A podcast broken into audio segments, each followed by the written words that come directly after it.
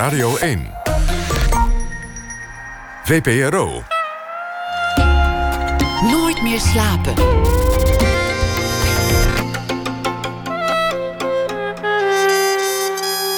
Met Pieter van der Wielen. Goedenacht en welkom bij Nooit meer slapen. Pieter Jouke schrijft een verhaal bij de voorbije dag. Dat hoort u na ene.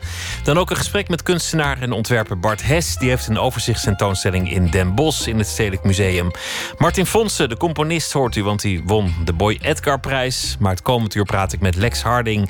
Geboren onder de naam Lodewijk den Hengst. Hij is een uh, beroemd DJ geweest en een radiomagnaat.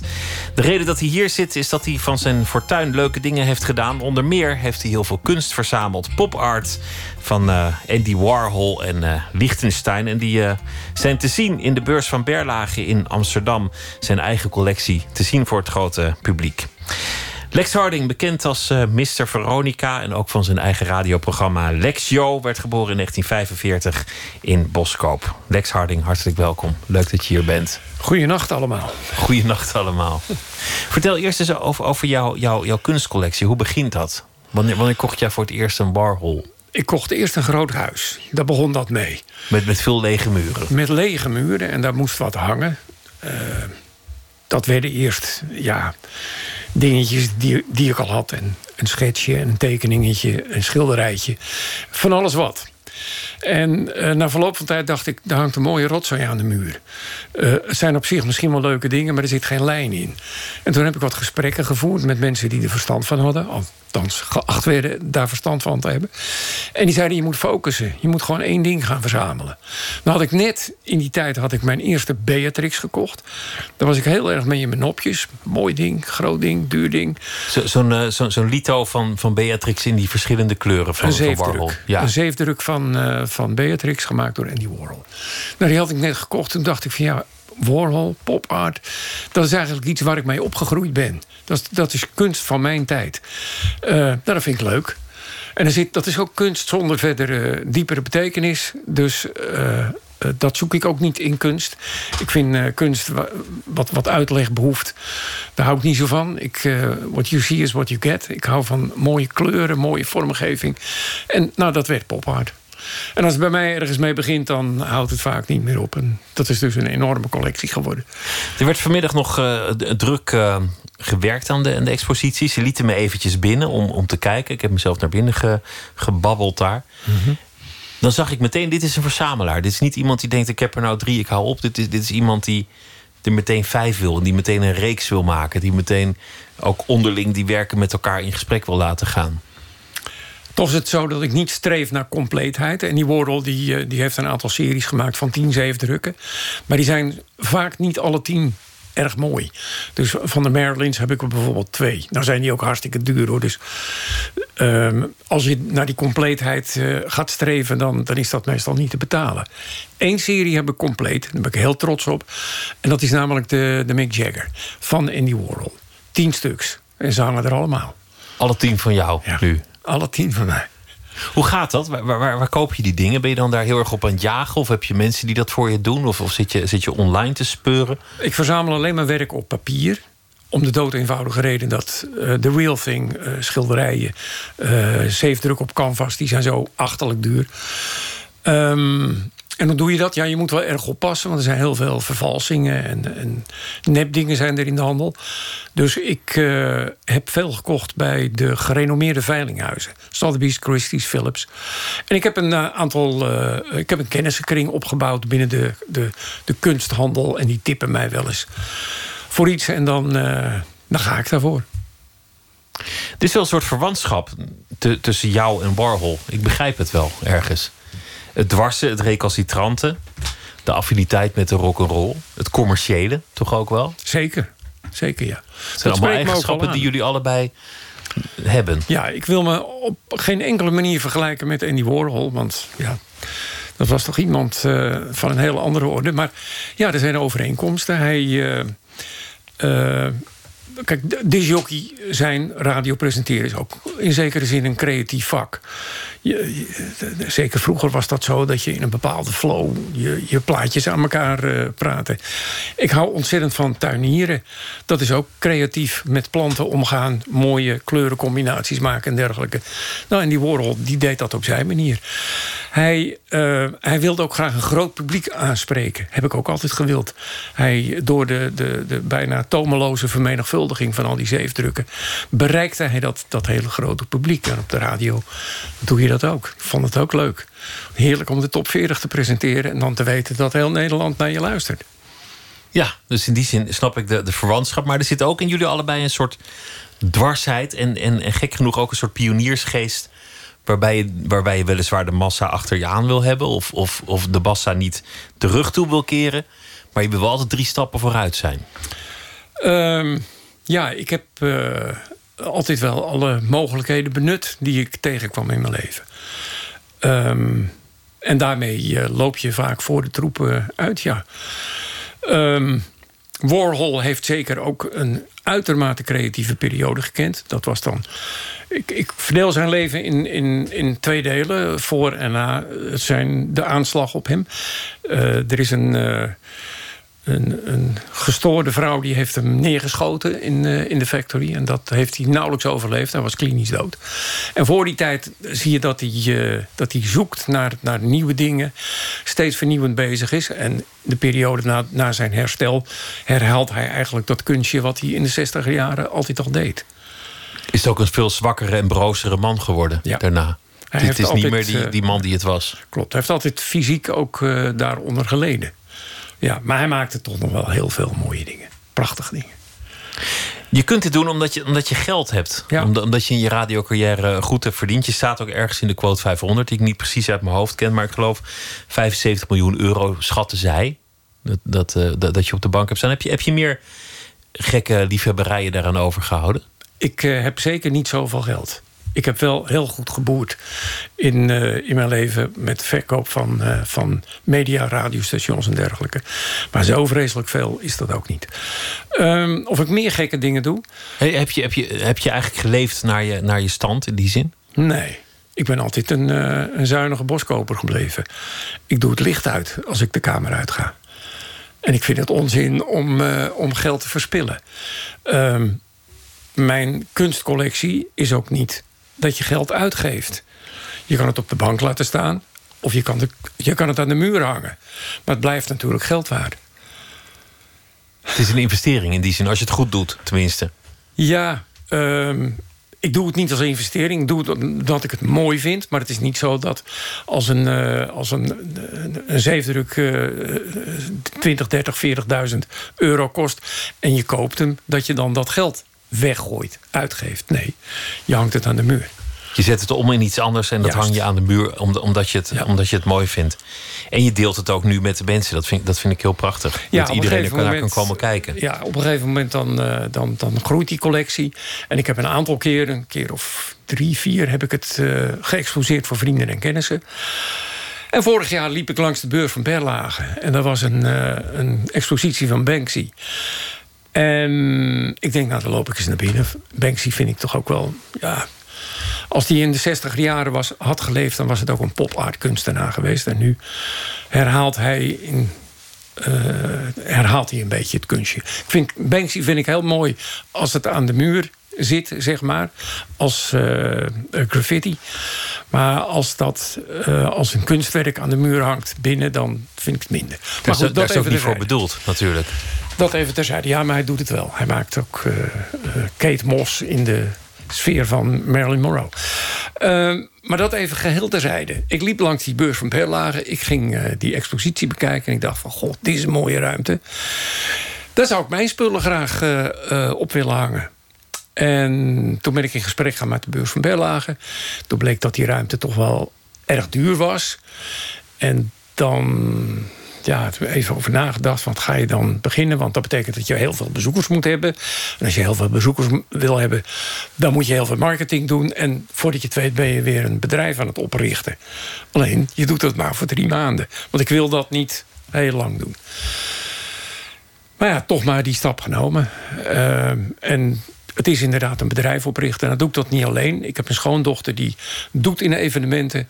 En die, uh, nou, die doet al het vuile werk, zeg maar. En ik lever de, de, de kunstwerken. Ik heb de, de catalogus geredigeerd. Ik heb uh, ook alle bordjes bij al die kunstwerken. En de inrichting, dat begeleid ik ook allemaal. ik hoef het gelukkig niet allemaal zelf te doen. En hoe is je huis nu? Loop je dan door een leeg huis? Verschrikkelijk. Is het dan helemaal eenzaam en, en, en galmt het ook een beetje... omdat er niks meer aan de muur hangt? Ik, uh, ik heb in Amsterdam geslapen deze week. Uh, het is dinsdag, is het allemaal van de muur gehaald. Ik kom vandaag thuis. Afschuwelijk. Het is allemaal, het is allemaal weg. En het zijn toch, nou, ik wil niet zeggen kinderen van me... maar het zijn toch dingen waar je heel veel affiniteit mee krijgt. Als dat uh, lang aan de muur hangt. Nou, het is weg. En het komt ooit weer terug. Maar tot die tijd is het thuis niet zo... Niet zo fijn voor je. Minder gezellig. Minder gezellig. Ik moet nog eens in alle hoeken en gaten gaan kijken... of ik nog wat van mijn oude verzameling heb. Ik heb nog wat foto's en dergelijke. Nou, misschien ga ik die wel ophangen. Omdat je natuurlijk zo'n uh, radio persoonlijkheid bent... Ja, dachten we van, ja, jij moet de muziek maar uitkiezen vannacht. Te beginnen met, uh, we noemden hem al Mick Jagger, de, de Stones. Wil, wil jij hem zelf aankondigen? Ja, dat vind ik best. Van het album Sticky Fingers. Uh, want, dat heb ik nog niet verteld... We hebben dus werken op papier, zeefdrukken, maar ook albumcovers, platenhoezen. Uh, en die Warhol heeft heel veel platenhoezen gemaakt. In totaal 50. Maar hij heeft er 25 gemaakt zeg maar, voor 1960. En 25 na 1960. Dat zijn de echte pop-art hoezen. Die hebben we allemaal hangen. En die hebben we heel mooi, nou je hebt ze zelf gezien... Uh, geëxposeerd als in een echt museum. Nou, er is natuurlijk die met die banaan en Debbie Harry uh, dingen. Wil ik zo nog even oh, graag wat over zeggen. Um, maar er hangt ook sticky fingers. En we hebben die hoes ook gesloopt. Uh, zodat je de, de binnenkant goed kan bekijken. Want onder die gulp zit ook nog een onderbroek. Dat zie je normaal gesproken niet. Um, ja, en een van de bekendste nummers van uh, Sticky Fingers is Brown Sugar.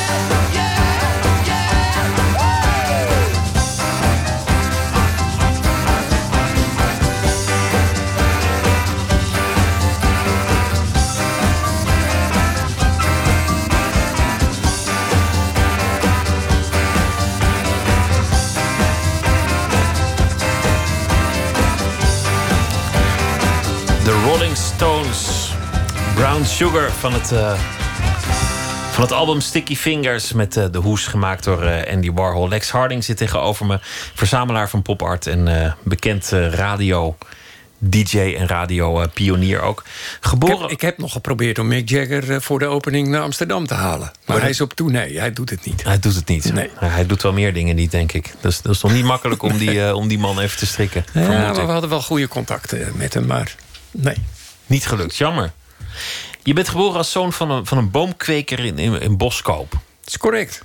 Wat, uh, wat moet ik me daarbij voorstellen?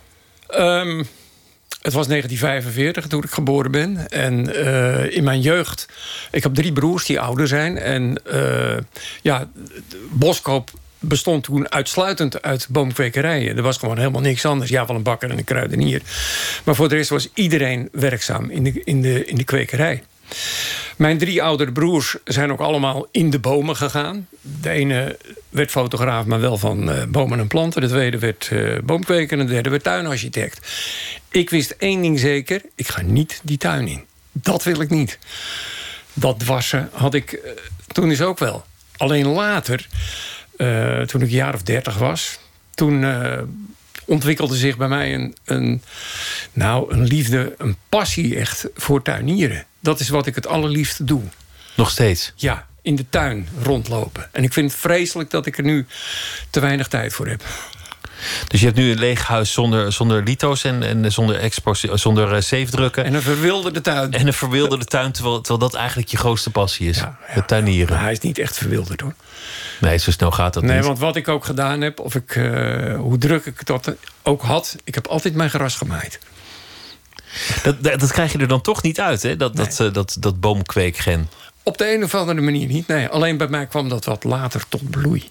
Maar ik vind het heerlijk om. om ik heb een moestuin. Ik heb een enorme tuin. Hè, want bij mij gaat het allemaal gro grote collectie, groot huis, grote tuin. 9 hectare in totaal.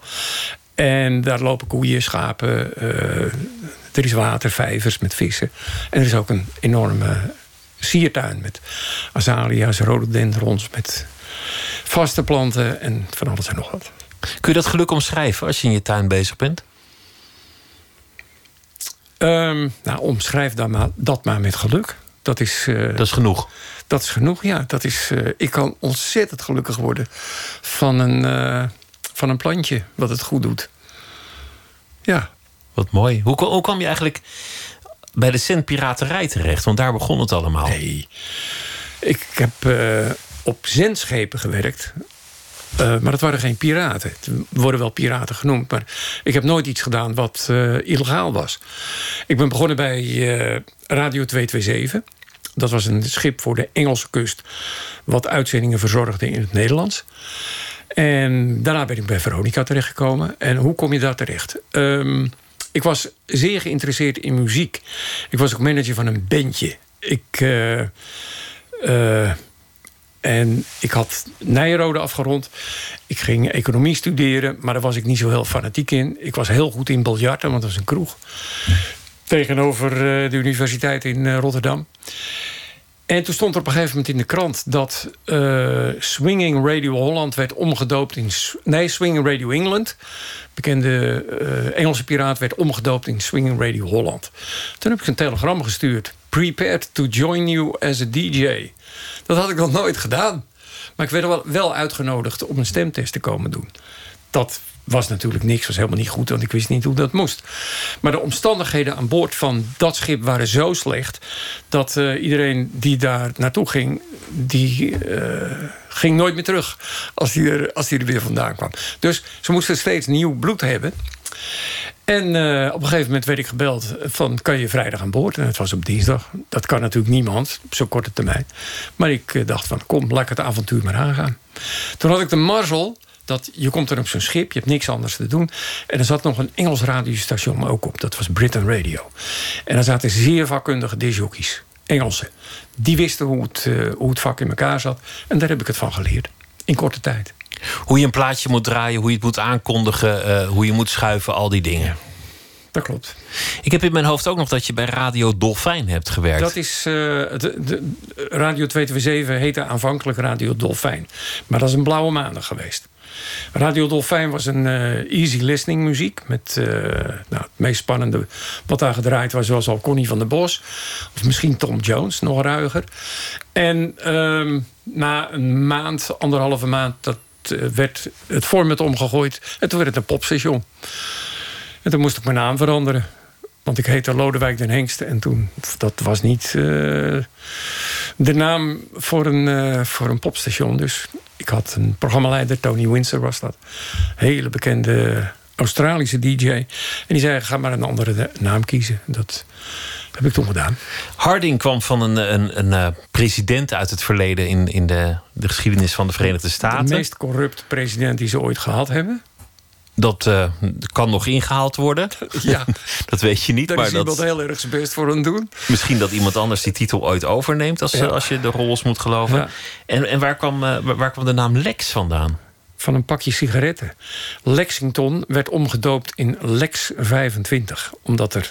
Er waren uh, pakjes sigaretten. Er zaten er 20 in. En toen kwamen de nieuwe pakjes. Er zaten er 25 in. In die tijd was dat een hele revolutie. Een enorme reclamecampagne. En ik vond, ja, die Lex, dat sprak me wel aan. Want die Tony Windsor had tegen mij gezegd... je moet wel dezelfde voorletters houden. L, H, dat moet je erin houden. Voor een soort herkenbaarheid. Ja, weet ik veel. Ja, iets. Iets. Die, die, je kwam uiteindelijk terecht via dat station bij, uh, bij Veronica. Ja, Dat, dat is echt nationale geschiedenis inmiddels, het Veronica-schip. ja. Ik heb er altijd hele romantische voorstellingen van gemaakt... hoe het moet zijn om op zo'n boot plaatjes te draaien... en, en te leven en, en te overnachten en te eten en te drinken. En, en later hoorde ik van iemand dat het eigenlijk allemaal best wel een beetje degelijk was. Professioneel. Ehm, op Radio 227 zaten we echt op het schip. Daar werd, gebeurde alles op die boot. Bij Veronica heb ik het eerste jaar was ik nieuwslezer. En dan zit je ook op die boot, want nieuws dat heeft een bepaalde actualiteit. Maar de programma's die werden gemaakt in de studio in Hilversum. En gewoon op band Op naar, een- naar het schip Op gebracht. een band van een uur en dan gingen die eh, met de Geranna, de tender, gingen die eh, naar de boot. Ehm, het was zeker niet saai. Absoluut niet. Het was echt wel een avontuur. Het is echt die hele Veronica-periode was een enorm jongensboek.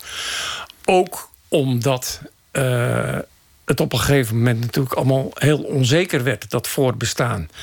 En dat dat, eh, ja, dat, dat dringt door tot, tot in je aderen. Eh, en dan komt ook nog dat einde in 1974. Ja, dat is allemaal heel emotioneel. En zeker omdat dat omdat je weet dat het gaat komen. Het was niet abrupt afgelopen. We hebben de god actie gevoerd en weet ik wat allemaal.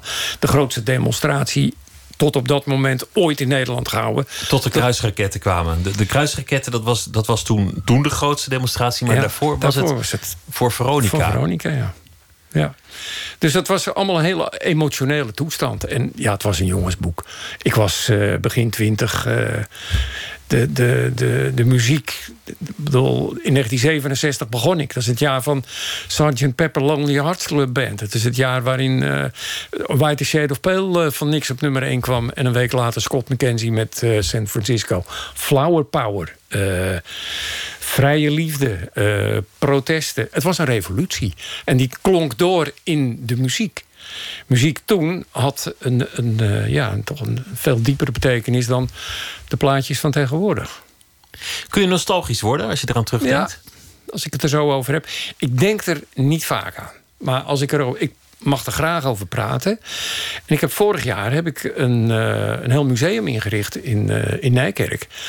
Eh, wat gaat over die periode, over het zendschip, over Veronica. Nou, dat vond ik. de gedachte alleen al vond ik eigenlijk vreselijk dat dat moest gebeuren. Maar toen ik erbij betrokken werd, dacht ik van ja, dit moet ook maar weer goed gebeuren. En toen heb ik me erin laten zuigen. En dat is een hartstikke leuk museum geworden. Maar dat is zo nostalgisch als de pest. Ja, daar moet je ook aan toegeven. Je mag, je mag eh, omkijken zolang je niet staart. Zolang naar het verleden. Oké. Maar je, als ik zeg piraat, dan protesteer je een beetje. Feitelijk heb je gelijk. Het was niet een piraat. Het was gewoon een, een buitenlands station buiten de territoriale wateren van Nederland. Maar er hing wel een sfeer in de politiek dat het maar eens afgelopen moest zijn, omdat er, dat er onderling concurrentie was tussen die schepen. En, en er zou zelfs een aanslag zijn gepleegd, een soort zeeslag zijn geweest tussen uh, Veronica en, en Radio Noordzee. Kijk, de diepere, de diepere uh, reden waarom de politiek van uh, die zendschepen af wilde... was natuurlijk omdat het concurrentie was voor de publieke omroep. Zo en die hadden een betere lobby in Den Haag? Die hadden een hele goede lobby in Den Haag. Want de omroepen en de politiek waren toen zeer nauw verbonden. Maar een, uh, Veronica heeft ook zijn steentje bijgedragen aan zijn eigen ondergang... door in een conflict met een concurrerende zender, Radio Noordzee... de boel in de brand te steken. En ja, daardoor uh, werd eigenlijk wel de voedingsbodem gelegd van dat kan allemaal niet. Dat kon ook echt niet. Dat, was, dat waren maar hoe gaat zoiets? Wie, wie, bedenkt dan van nou, we steken het gewoon in de fik? En hoe doe je dat? Hoe steek je andermans schip in, in, brand? Het is een heel verhaal. Het hangt in het museum heb ik het. Ik heb het helemaal uitgezocht, omdat er gaan heel veel verhalen over de ronde. En ik denk dat het juiste verhaal nu dat ik dat wel boven water heb. Het was als volgt. Uh, die, die, uh, die directies van, uh, van Veronica en Noordzee die praten best met elkaar. Want die mannen van Noordzee die hadden continu geldgebrek. En uh, de gebroeders Verwij die hadden geld zat, want die verdienden dat als water. En op een zeker moment financierden zij uh, min of meer dat Radio Noordzee. Onder de voorwaarde dat die geen uitzendingen zouden starten in het Nederlands. Want de uitzending, het was RNI, het was uh, Radio North International. En ook Duitse uitzendingen hebben ze zelfs gedaan. Uh, toen is er een miljoen gulden op een gegeven moment geleend. onder die voorwaarden. En toen kwamen de heren Meister en Bollier van Radio Noordzee... kwamen op een gegeven moment en die zeiden van... hier heb je die miljoen gulden terug.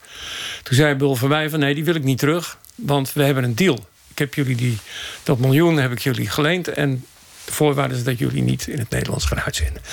Nou, Meester Milieu die gingen onverrichte zaken weer weg met een miljoen onder hun arm. En er gingen vervolgens toch uitzendingen starten in het Nederlands. Dat was tegen het zere been. En toen heeft uh, Bulverwij of een ander in die omgeving... heeft uh, tegen een paar Scheveningers geroepen... van joh, kunnen jullie dat schip niet eens binnenhalen... in de territoriale wateren. Want dan kunnen we ze aanpakken. Want Bul vond dat hij gelijk had, maar hij kon ze in rechten niet uh, vervolgen, omdat het schip buiten Nederland lag. Nou, dat hebben een paar uh, Scheveningers, die hebben dat letterlijk opgevat. Die zijn er naartoe gevaren. En die hebben de machinekamer in de fik gestoken. En toen uh, is dat achterschip uitgebrand.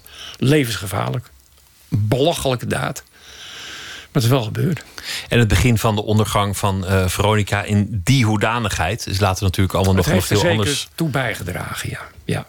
Het, het, het, het, mooie is dat, dat je toen hoorde bij ja, gewoon, gewoon jonge mensen die, die rock'n'roll wilden luisteren en deel uitmaakten van een soort sfeer van revolutie. En je waarschijnlijk niet had kunnen vermoeden dat er ooit geld in zou zitten. Dat je er ooit iets mee zou kunnen verdienen, ook nee, daadwerkelijk. Dat, nee, dat interesseerde me ook helemaal niks. Want het, was, uh, het ging mij om het succes. Ik was populairste disjockey van Nederland. Ik voelde, als ik, uh, kijk, als ik gitaar had kunnen spelen, dan had, was ik graag popartiest geworden. En als disjockey met uh, enige bekendheid. En zo, wij traden ook op in het land met al die drive-ins en zo. Daar, daar genoot ik uh, enorm van. Um, maar dat daar geld mee te verdienen viel, dat, uh, ja, dat realiseer ik me helemaal niet. Maar ik heb altijd wel een redelijk commerciële inslag gehad. Ik uh, verkocht als uh, klein jongetje al, al groenten aan de deur en ik haalde schillen op. En ik had een correspondentieclub en ik had dan, was manager van een bandje en zo. Ik heb altijd wel mijn eigen boontjes gedopt. Ja, ik, ik, als ik terugkijk zeg ik van ja, ik ben altijd wel een beetje ondernemer geweest. Maar die twee kanten zaten er altijd in. Aan de ene kant love, peace en revolution. En aan de andere kant geld verdienen? Ik was, uh, ik was uh, in, in, die, in, die begin, ja, in de jaren zestig was ik toch wel een enorme linkse rakker. Zeker. Nog steeds wel, volgens mij. Nou, ik weet niet of je het links of rechts moet noemen, maar de, zeg maar de zweem van hedonisme, waar mensen Veronica later mee zijn gaan associëren, die vind ik bij jou niet echt terug. Nee, dat klopt. Tegenover wij zit een heel, heel ander iemand die met hele andere vragen en thema's bezig is. Het is helemaal niet alleen maar lang leven de lol En, en eh, je bent jong en je nee, wilt maar wat. ik heb er wel natuurlijk enorm van genoten allemaal. Die, die periodes, die, die, die tijd van de, van de zeezender was mooi. En toen kwam de, de omroeporganisatie. En eh, ik was verantwoordelijk voor de radio. Dat is hartstikke mooi om dat op te bouwen binnen het publieke bestel. Eh, wij hadden daar ontzettend veel succes mee. Ik was ook verantwoordelijk voor het programma Countdown op televisie. Muziek op televisie. Nou, Countdown is een echt een... Tien jaar lang is dat eh, toch wel eh, ja, niet alleen toonaangevend in Nederland geweest, maar in heel Europa. Eh, Amerikaanse artiesten die, die Europa wilden veroveren, die wisten, we moeten eerst naar Countdown. We hebben ze allemaal gehad. Paul McCartney, Mick Jagger, Bruce Springsteen, noem ze allemaal maar op. Gewoon in Bussum, in Concordia. Dus dat is ook een hele mooie periode geweest. Dus ik heb allemaal mooie periodes meegemaakt. Is er een verandering geweest? De, de man die nu tegenover mij zit, die, die het liefst tuiniert. Nou, je zei dat was eigenlijk altijd al zo. Nee, dat deed ik erbij. Dat deed je er toen al Ja, bij. dat, nou, niet erbij, want dat lijkt alsof ik het niet zo belangrijk vond. Maar ik deed dat gewoon ook. Altijd al. Altijd al. Ja. Maar je, je, je lijkt, eh, eh, er lijkt een soort verandering te zijn eh, geweest in je leven. Je, je hebt een boek geschreven over jouw reis naar Afrika, bijvoorbeeld. Ja. En, en dan toon je toch heel begaan met, met de wereld. Dan stel je ook, ook meer diepgaande vragen over je eigen bestaan, over het, over het bestaan van de wereld, over de samenleving. Ik denk dat het allemaal te maken heeft met eh, je persoonlijke ontwikkeling en ook vooral met leeftijd. Ehm, ik merk dat je eh, naarmate je ouder wordt, je voor andere dingen gaat interesseren. Dat is een, een proces. Ik ervaar dat, ik denk er niet over na, dat gebeurt. En dat overkomt je. En ik heb altijd wel nagedacht over, over dingen. Maar bij die reis die ik dan gemaakt heb met mijn zoons... eh, ja, had ik ook de gelegenheid... of ik heb zelf gekozen ervoor om het ook op te schrijven. En dan, ja, dan haal je daar van alles bij en dingen. En, ja, Eerlijkheid komt dan uit mezelf. Ik ben, ik ben wat dat betreft een open boek. Ik heb altijd gezegd, ik ben een open boek. Vraag mij wat en je krijgt een open en eerlijk antwoord. Wat heeft het je gebracht, al die reizen die je hebt gemaakt? En vooral deze ene, dat je, dat je met, met je zoons, je bent niet meer met die moeder. Je, je besluit om samen met je zoons, die inmiddels volwassen zijn, die reis te gaan maken. Een lange reis ook. Het is, een, eh, het is ook iets wat je overkomt. Ik heb altijd gereisd, veel gereisd. Eh, lange reizen gemaakt. En Afrika, dat hing altijd wel een beetje boven de markt. Bij ons in de keukentafel kwam dat ter sprake. En zo'n reis die... eh, ja, je bent zelden in de gelegenheid om dat te doen. Er is altijd wel werk of er is een relatie. Er is altijd wel iets waarom het niet gaat. Mijn relatie was voorbij. Ik was gestopt met eh, werken in die zin... dat ik niet meer s morgens om negen uur me ergens hoefde te melden. Eh, mijn zoons zaten ook eigenlijk min of meer op een keerpunt in hun leven. Die deden wel wat, maar dat was allemaal niet zo heel fanatiek. Ze waren niet met echt met een carrière bezig. En eh, mijn oudste zoon heeft mij eigenlijk ertoe gebracht om dat nou maar eens in gang te zetten. Dus ja, dat heeft een voorbereiding nodig. Er moet een auto gekocht worden, die moet geprepareerd worden, moet een visa aangevraagd worden en dergelijke. En er zou eerst een vriendje meegaan van mijn oudste zoon. Die haakte af. En toen zei mijn jongste zoon, waar, die helemaal niet zo reislustig was en zo, en niet zo avontuurlijk, althans die inschatting had ik. Die zei van, nou, ik wil mee. Nou ja, dan ontwikkelt zich een scenario wat natuurlijk... iedere vader kan dat natuurlijk alleen maar van dromen. Jullie sliepen ook in die auto grotendeels. Zij sliepen bovenop en ik sliep erin. Of in een tentje ernaast. Behalve als er nijlpaarden in de buurt waren. Dan niet. Dan moest je bovenin gaan liggen. Nee, dan sliep ik in de auto. In de auto, ja. Want nijlpaarden die lopen gewoon over een tentje heen. Nee, dat was een, was een, een ongelofelijke ervaring. Ja. En wat doet reizen met je? Eh, dat maakt je bescheiden. Dat, eh, dat maakt je nederig. Want je ziet veel dingen in de wereld. Je ziet hoe andere mensen leven en zo. En dan, als je dan hier eh, weer in Nederland terugkomt... dan denk je van ja... mensen maken hier zich overal druk om. En dat zijn niet de dingen waar waar men zich druk over maakt in de rest van de wereld. Dat ligt heel dicht bij, bij, bij de, de, de vrolijkheid van, van de commerciële radio van wel eer.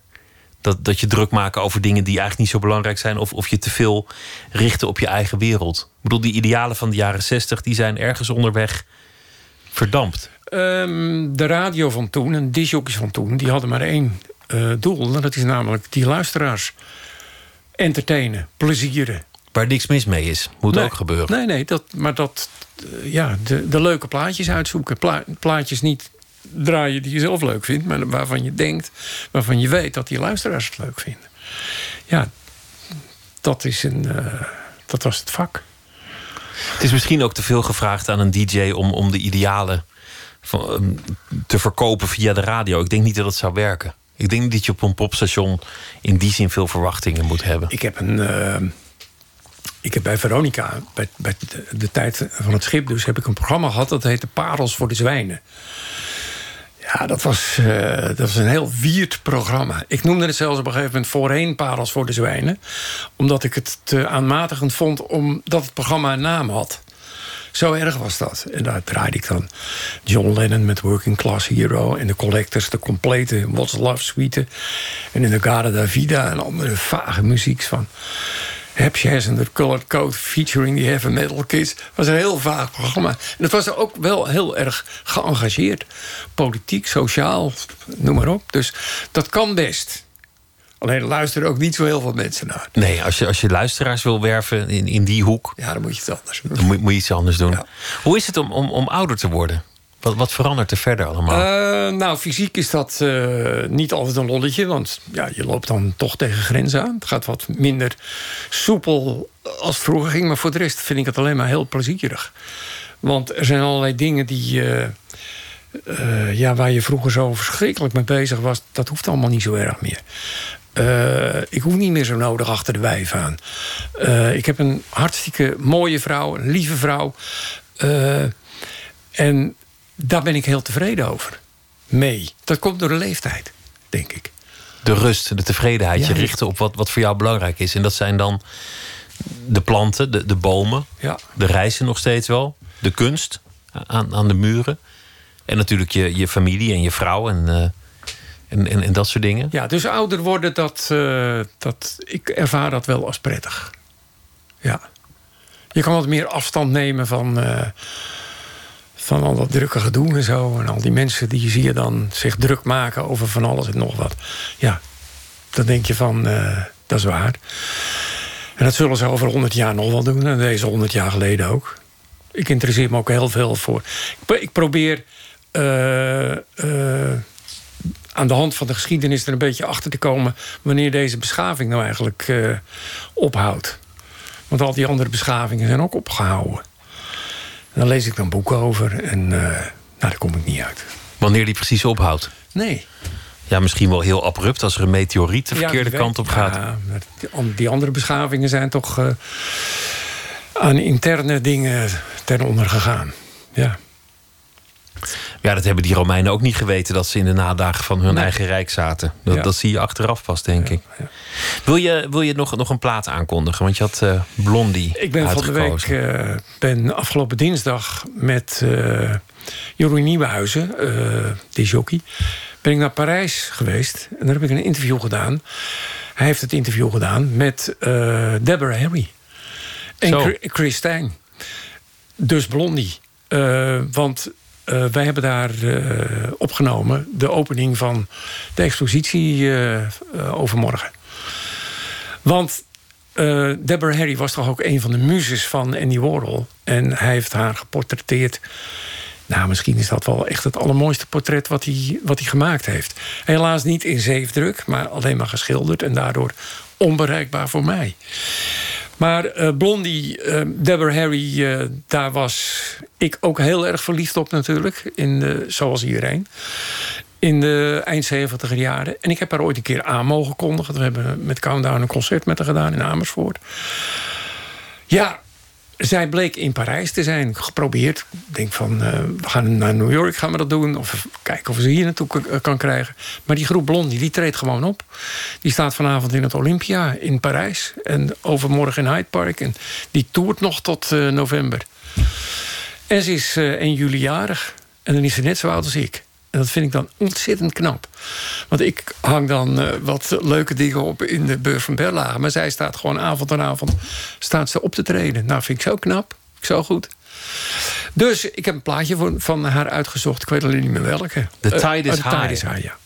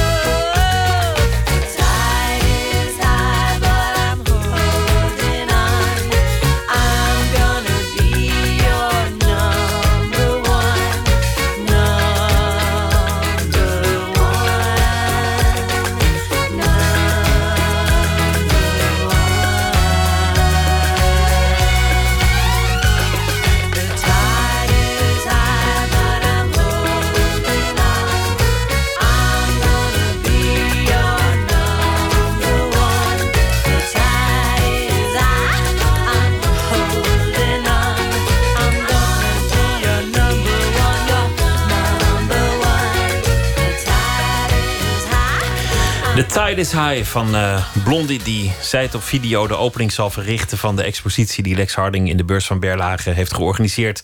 Met zijn uh, werken van pop art, Liechtenstein en Warhol. En uh, er hangt een, een, flinke collectie. We hebben het gehad over je jeugd. Boomkweker was je vader. Jij zei nou, één ding word ik niet. Dat is boomkweker. Je ging een bedrijfskundeopleiding doen. Maar je kwam terecht op een zendschip. En zo kwam je de radio ingerold. Je hebt het goed gedaan. Je was links als maar zijn kon in de jaren 60 vol van idealen. Maar ook altijd wel gericht op geld verdienen. En daar was je ook, uh, ook goed in. Maar wat uiteindelijk belangrijk bleek in je leven was toch het tuinieren. Dan ben je het allergelukkigst als het plantje het goed doet. En, en het reizen dat er altijd wel was, dat is meer en meer geworden. En het heeft je bescheidener gemaakt, zei je. Je gaat toch anders kijken naar de wereld en zien dat je, dat je, dat je maar één van de vele culturen bent. En, en dat je geluk hebt gehad en dat je nietig bent en allemaal dat soort. Je kan het beter vertellen dan ik. Nou, dit was de samenvatting tot, tot nu toe. Oké. Okay. Dat ondernemen, ik, ik vind dit ook wel interessant hoe je zo'n expositie doet. Er zit ook een soort dwarsheid in goed ondernemerschap. Een goed ondernemer moet nergens genoegen meenemen. Nee, je moet de lat zo hoog mogelijk leggen. En je moet kijken of je dat kan bereiken. En je moet recht op je doel afgaan. Um, Ja, ik heb dat ondernemen wel geleerd. En nadat ik uh, RTL Veronique had opgericht, mede had opgericht, dacht ik van, nou, ik kan eigenlijk alles wel oprichten. Want dat was zo'n verschrikkelijke, moeilijke, zware klus. Het was een uh, ingewikkelde constructie, want het moest dan uit Luxemburg komen. Dat had iemand ook weer bedacht. En, uh... nou, het, het, moeilijkste was dat, uh, dat je financiering moest vinden voor iets waarvan je niet zeker wist dat het door zou gaan. Want uh, Joop van Ende met TV10 deed precies hetzelfde. Alleen daar werd een streep doorheen gezet. En die had alle sterren al binnen en toch kwam die streep er doorheen?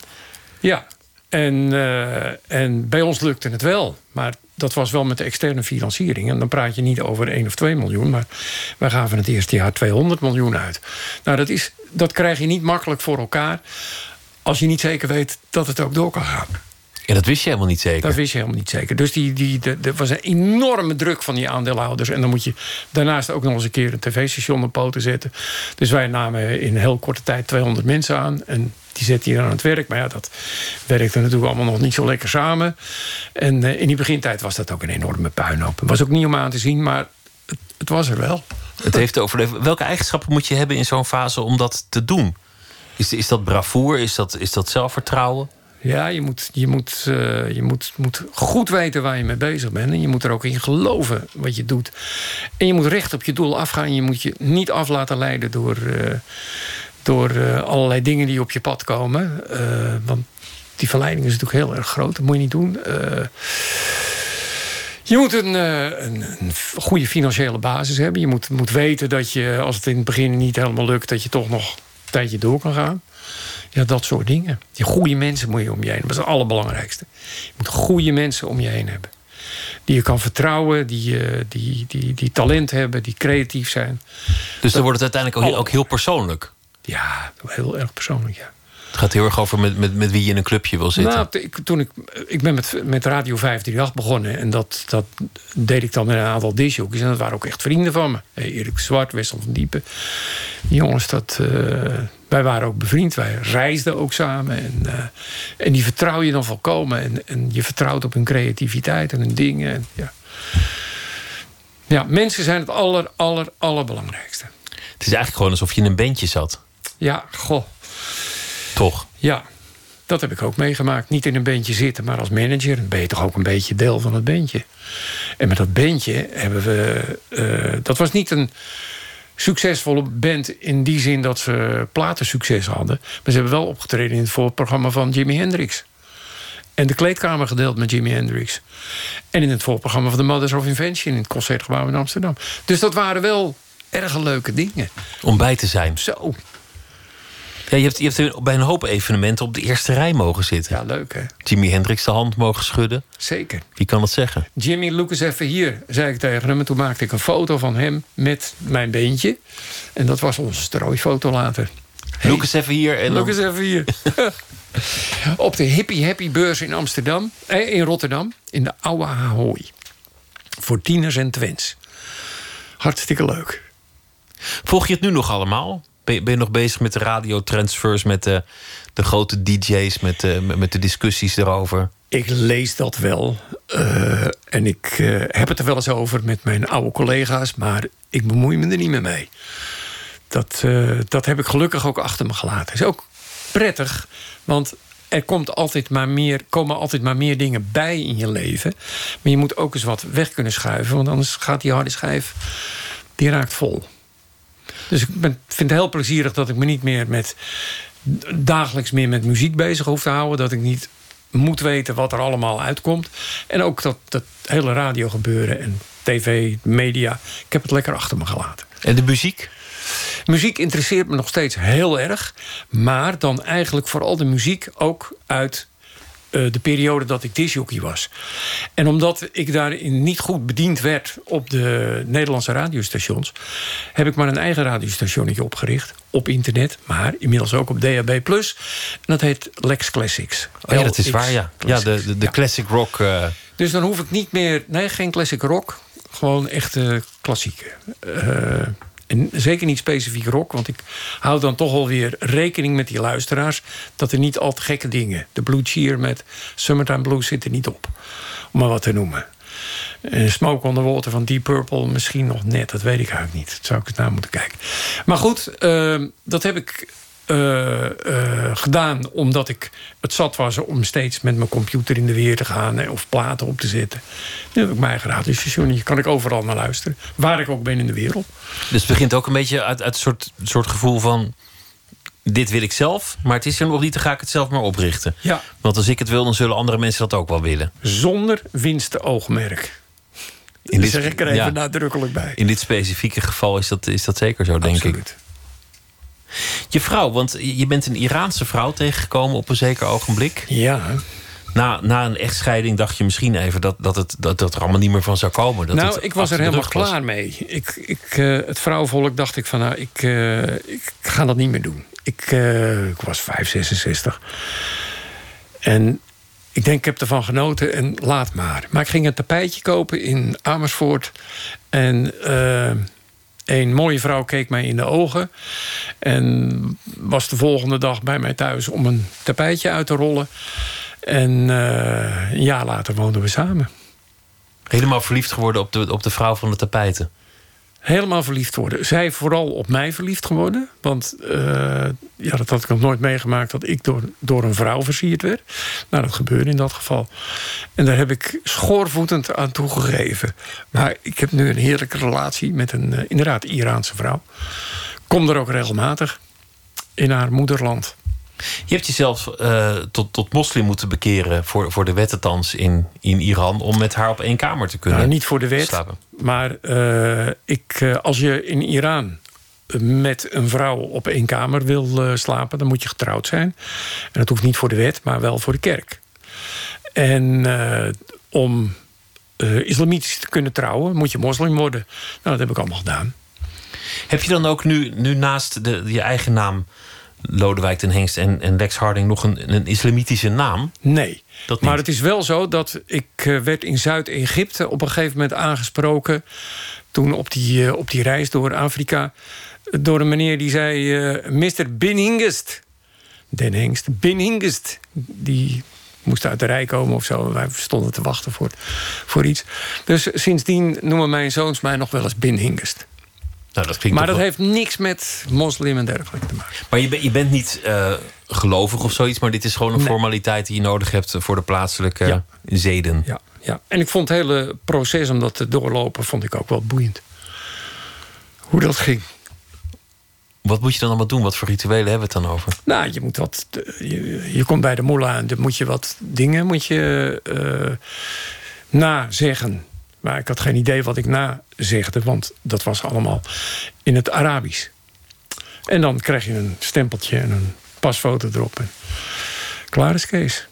En toen wij trouwden, want vervolgens traden wij met elkaar natuurlijk. Toen zei de goede man van, en uh, wat is de bruidschat? De bruidschat? Dat is vlogen kamelen door mijn hoofd. En toen zei hij, zal ik je helpen? Ja, hij zegt, veertien uh, rode rozen.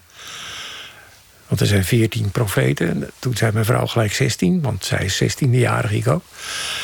Toen zei hij een Koran. Ik zei wel vooruit, Koran er ook nog bij. En nog iets. Ik zei ja, een Mercedes. Want die had ze net van me gekregen. Nee, het was een BMW, een BMW X3. Hij netjes in het boekje geschreven, BMW X3. Nou, dat was dus de bruidschat. Leuk toch?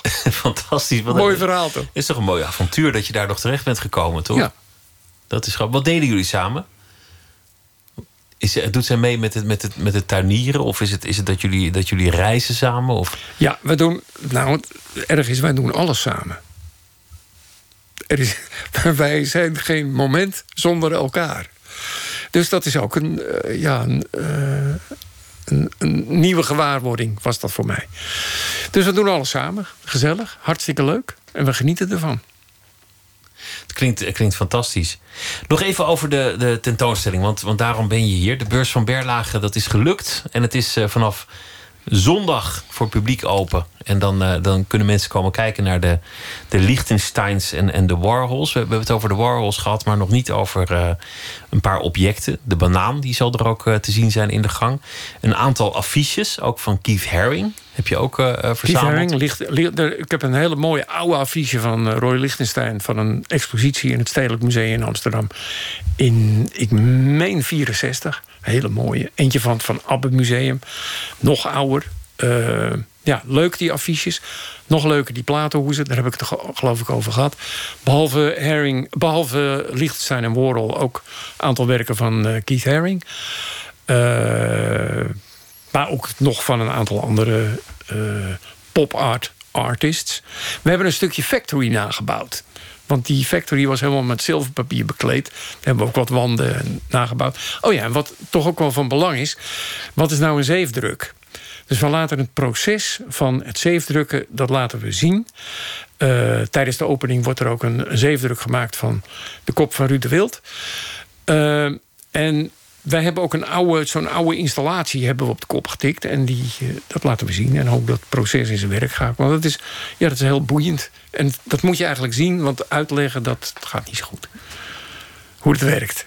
Ik vind het helemaal kloppen. Pop art en en, en, en een radio-dj. En, en, en het plezier wat jij altijd hebt, hebt uitgestraald in jouw werk. Met, met ook uh, de, de sfeer van, van Andy Warhol en dan ook nog de tijdgeest. Klopt volgens mij helemaal. Ik dacht, ik ga hier een beetje zitten suffen, want ik had erg veel slaap. Ik ben weer klaar wakker geworden. Nou, dat is, dat is goed nieuws. Ja.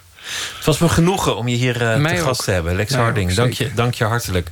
We gaan zo meteen uh, verder met Nooit meer slapen. En dan gaan we onder meer praten met uh, de winnaar van de Boy Edgar prijs. Martin Fonsen. Hij is componist en jazzmuzikus. En Bart Hes komt op bezoek. Hij is beeldend kunstenaar en ontwerper. En Pieter Jouwk heeft een verhaal bij de voorbije dag. Twitter, het VPRO NMS. En we zitten ook op Facebook. En u kunt zich abonneren op de podcast via de website van de VPRO. vpro.nl slash nooit meer slapen. Of via iTunes.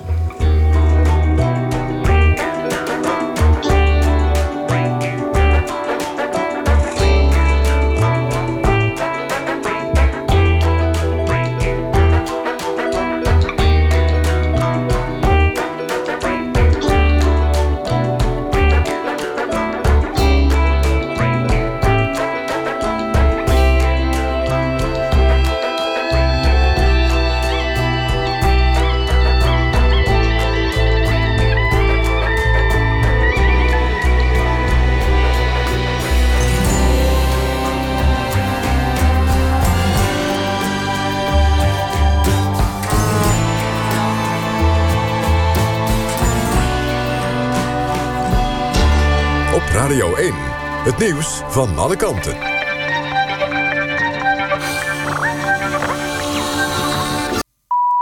1 uur, Christian Bonenbakker met het NOS Journaal. Het gebruik van EPO heeft nauwelijks effect op de wedstrijdprestaties van wielrenners. Dat blijkt uit Leids onderzoek dat vandaag wordt gepubliceerd... in het wetenschappelijke tijdschrift The Lancet. Het effect van EPO is nooit eerder grondig onderzocht... omdat profrenners niet mogen meedoen aan dopingexperimenten. Daarom hielden de Leidse onderzoekers een wedstrijd... met 48 getrainde amateurrenners op de Mont Ventoux. De helft kreeg EPO toegediend, de rest een placebo... en ze wisten zelf niet tot welke groep ze behoorden. De bloedwaardes bleken behoorlijk te verschillen, maar de prestaties niet... EPO staat sinds 1991 op de dopinglijst. Het gebruik daarvan kostte Lance Armstrong al zijn zegens in de Tour de France. Iran is ervan overtuigd dat IS-leider al-Baghdadi dood is. Volgens het Iraanse persbureau IRNA zegt een hoge medewerker van de Iraanse elitetroepen, de revolutionaire garde, dat de IS-leider zeker is omgekomen. Waar en wanneer dat zou zijn gebeurd is onduidelijk. Al-Baghdadi is vaker doodverklaard. Sinds hij in 2014 het kalifaat uitriep... is hij niet meer in het openbaar verschenen. Twee weken geleden zei Rusland nog dat de IS-leider mogelijk was gedood... bij een Russische aanval. Iran reageerde daar toen sceptisch op. Een Amerikaanse loterijmedewerker heeft bekend dat hij jarenlang heeft gefraudeerd en zo vele miljoenen heeft verdiend. De man schreef mee aan de computercode die de winnende getallen bepaalde. Hij kon daardoor berekenen op welke nummers de prijzen zouden vallen. Die nummers speelde hij door aan vrienden en familie en ze verdeelden de opbrengst. De man liep tegen de lamp toen hij in Iowa 16,5 miljoen dollar probeerde te innen. Hij wilde dat anoniem doen, maar dat mag daar niet. Er werd een onderzoek ingesteld en nu kan de man 25 jaar cel krijgen. Het weer. In de loop van de nacht neemt het aantal buien af... en daalt de temperatuur naar een graad of 14. Overdag kan in het zuiden de zon even schijnen... maar op de meeste plaatsen is het bewolkt... en er vallen opnieuw buien en het wordt 19 tot 22 graden. Dit was het NOS Journaal. NPO Radio 1. VPRO. Nooit meer slapen.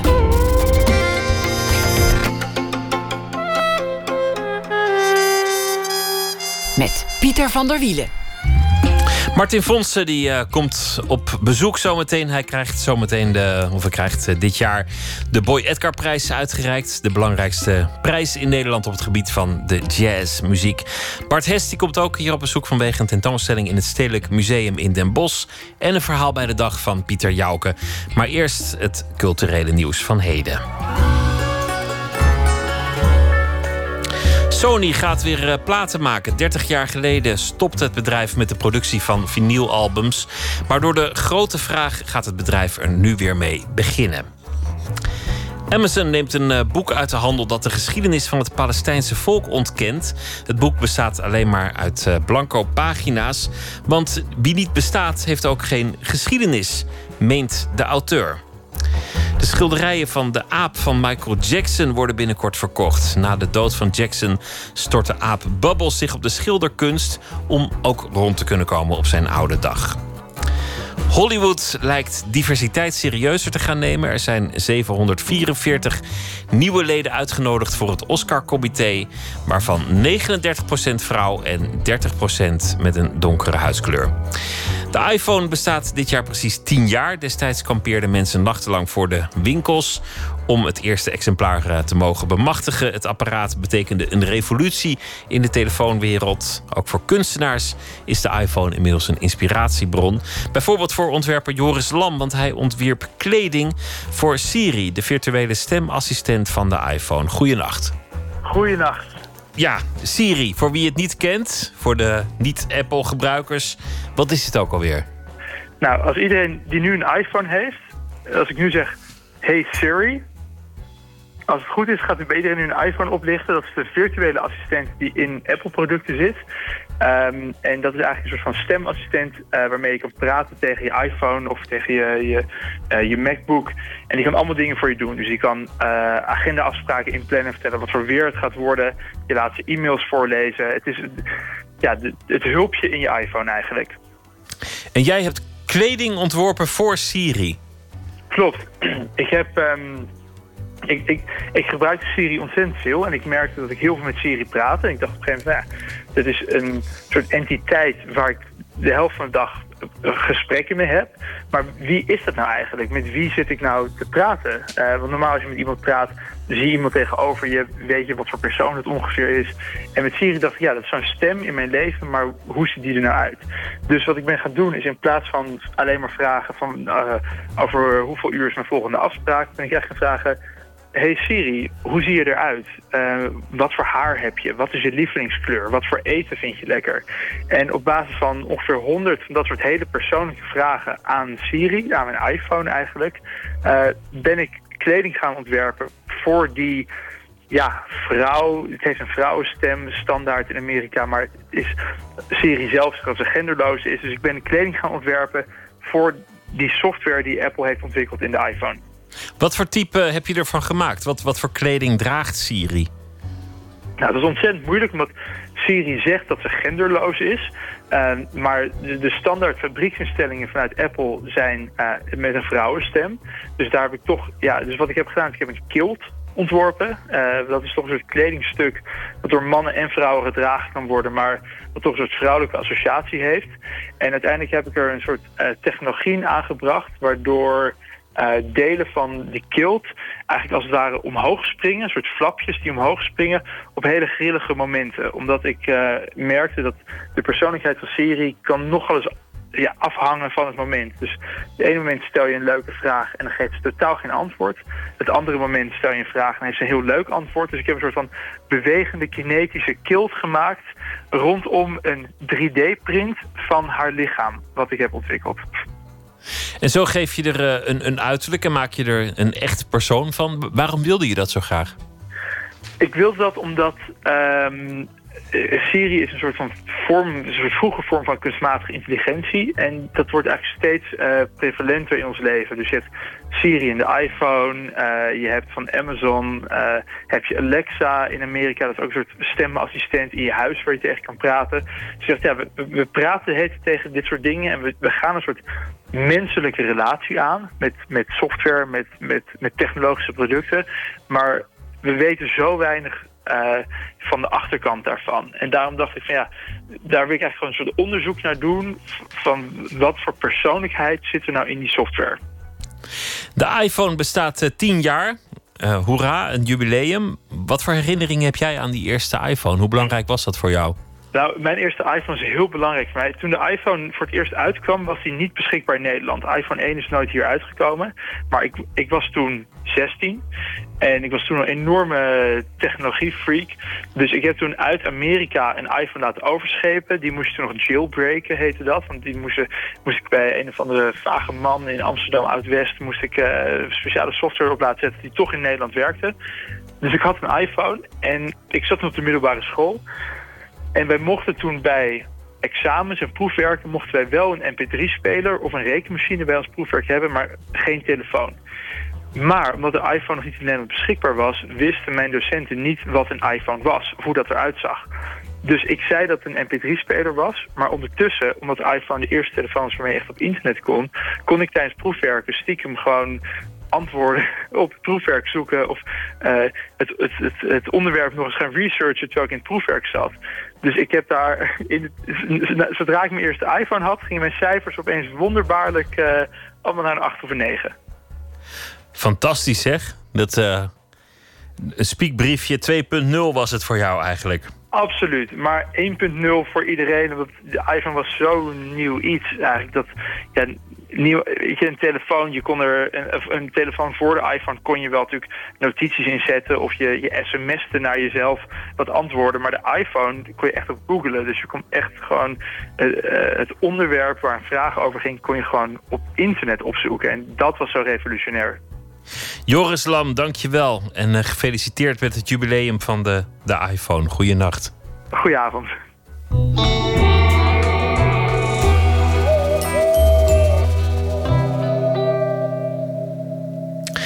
Sucker Mommy is hier met het uh, nummer Allison.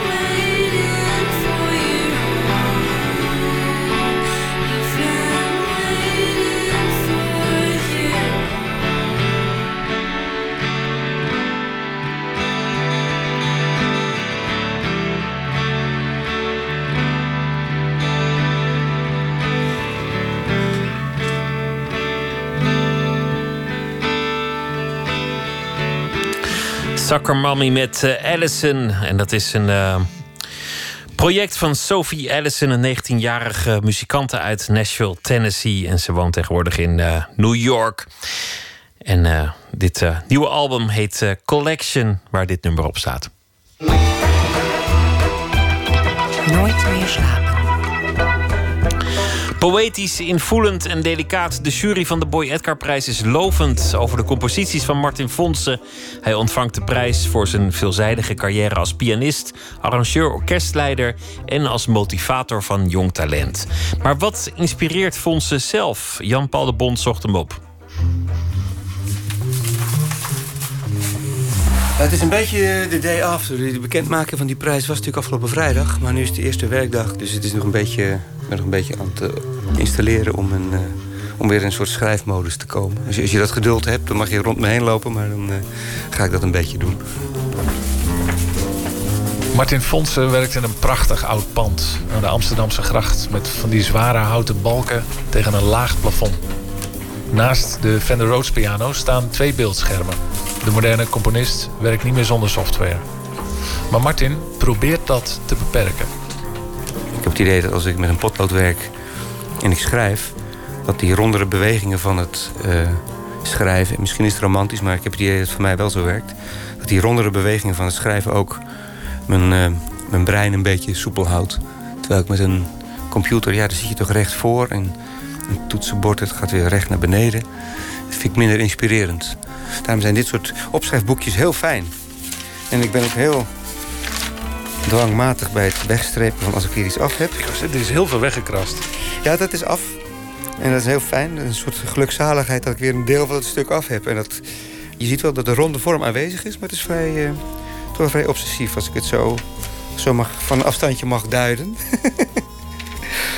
ja, zeker als je veel werkt, en ik ben wel iemand die veel werkt, is het soms heel fijn om ook even te genieten van die momenten dat je iets af hebt. Dat hij veel werkt is bijna een understatement. Fonse heeft zijn eigen ensembles. Hij speelt daarnaast veel met collega's, zoals nu met harpist Remy van Kesteren. Hij arrangeert, hij schrijft. En dat laatste misschien nog wel het liefst voor improviserende gezelschappen. Hij laat een partituur zien waarin eigenlijk alleen suggesties staan voor noten. Het gave van improviseren is wel dat het op dat moment gebeurt. En als, als je een orkest mee hebt, dan krijg je er een intentie voor terug die met genoteerde muziek ingewikkelder is om te maken.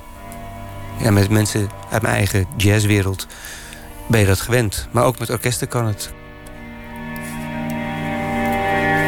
Hier gaan de strijkers individueel naar de volgende maat. En ze mogen pas verder als ze als collectief die noot gespeeld hebben. En dan gaat er weer één naar een volgende maat. Dus die, dat hele klankveld van strijkers, dat ligt eigenlijk een beetje open. En soms is er ineens weer een akkoord omdat ze met z'n vieren tegelijk naar de volgende maat gaan. En verder hebben de, de blazers vrijheid om uh, in te breken. Hier bijvoorbeeld de hobo.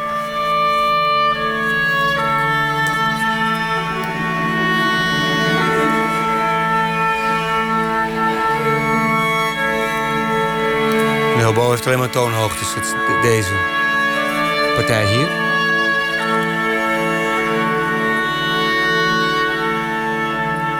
Maar wanneer dat is, mag ze zelf, of in ieder geval, in zij is het in ieder geval, mag ze zelf bepalen. En die inslagen van de blazers die komen ook op het moment dat zij dat willen. Dus zij hebben vrij beperkte partijen. Maar de hobo die mag met die noten die ze heeft zelf weten wanneer en wat ze doet. Nou, de strijkers gaan nu weer met z'n allen naar de volgende maat. Ook daar heb ik geen invloed op. Maar dat is toch waanzinnig spannend als je dat zelf voor het eerst hoort. Of voor de tweede keer ook nog. Ja, voor de tweede keer ook. Het is namelijk nooit hetzelfde. Kijk, er zijn zoveel mensen die nu individueel een keuze mogen maken. Dat kun je niet uh, verzinnen. En soms mislukt het ook wel, of is het minder geslaagd. Maar vaak de spanning van dat keuzemoment is zo uh, bepalend dat er altijd iets uitkomt wat lading heeft. Martin is in zekere zin gezegend met veel werk in opdracht. Maar soms dringt zich ineens een andere aanleiding op om te gaan schrijven. Een tijd geleden kreeg een goede vriend van hem, een collega-muzikant, plotseling een hartaanval. Hij wilde niet zoveel contact. En het was best een kritieke, kritieke situatie. En toen heb ik hem een paar kaarten opgestuurd. En ik zei, ja, ik, ga een- ik wil graag een suite voor je schrijven. Die heet eh, Game of Hearts. Maar ik wil het ook weer niet te veel opdringen. Maar als jij zin hebt in een stuk of je wil dat ik iets voor je doe... dan stuur je me een kaart terug. En toen kreeg ik over een periode van een aantal maanden steeds... om de zoveel tijd kwam er een, een, kaart terug in de briefbus. Had hij die speelkaart bewerkt, dan stond er een tekst op... of had hij er een stuk uitgeknipt of een tekening opgemaakt. En dat inspireerde mij dan weer om een stuk eh, te maken die dag. Dus op de dag dat ik zo'n kaart kreeg, schreef ik een stuk. Maar als er inderdaad wat opgetekend of geschreven staat... dan kan ik me voorstellen dat dat inspireert. Maar, maar wat haal je anders uit een eh schopper 6? Nou ja, een zes eh, heeft natuurlijk al... Dan kun je iets met... eh, ik bedoel, ik associeer het meteen... dat kan een interval zijn, hè. Je hebt een sext. Een, een sext. Of, dus dan ga ik materiaal verzamelen met alleen maar sexten. Nu heb je al een akkoord. Heb al een beweging. Nou, je kun je even heel snel... Dit zijn de, die zes noten. Eh, dan heb je al een themaatje. Dat zou je bijvoorbeeld kunnen doen. en eh, ja, er is altijd genoeg eh, informatie. Het maakt ook niet zoveel uit wat je materiaal is... waardoor je geïnspireerd ra- raakt. Er is altijd iets...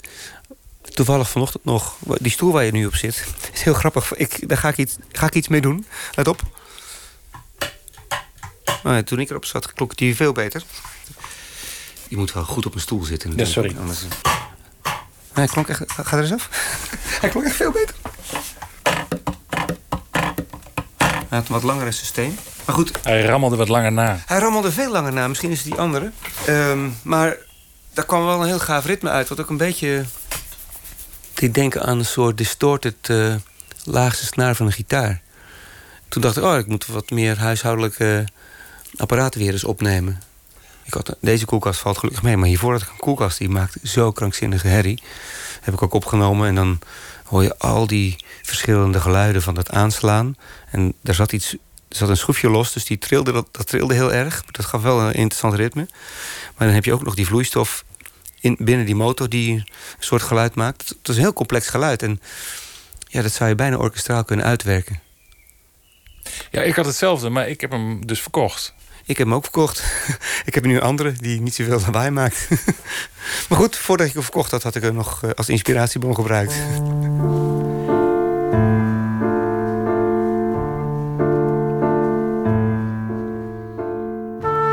Het is heel simplistisch componeren. Je begint met eh, één noot en je maakt er meer van. Eigenlijk heb, je, heb, ik ooit van een leraar geleerd... je hebt geloof ik maar zes elementen. Als je een beetje gezond wil blijven als componist...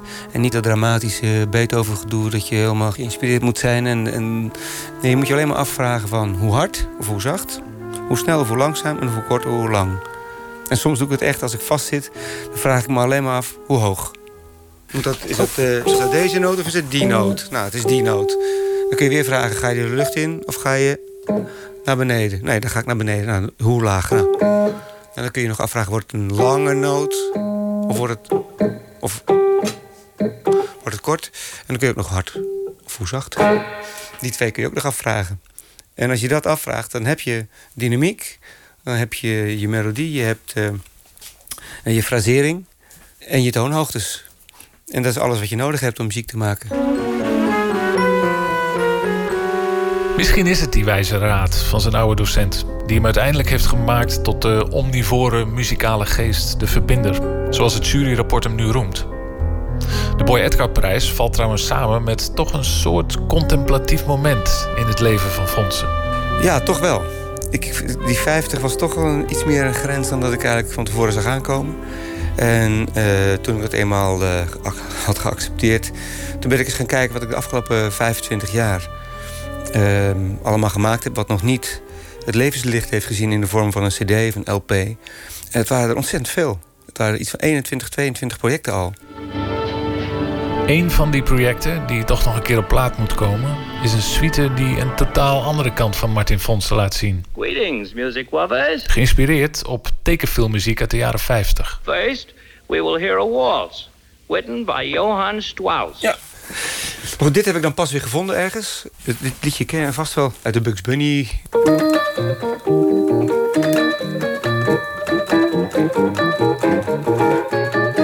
Zoiets. En ik heb daar een, uh, een soort uh, ja, punkstuk van gemaakt... Met, die ook om de twee tellen of drie tellen naar een ander deel gaat. Als een soort uh, ja, Bugs Bunny on speed.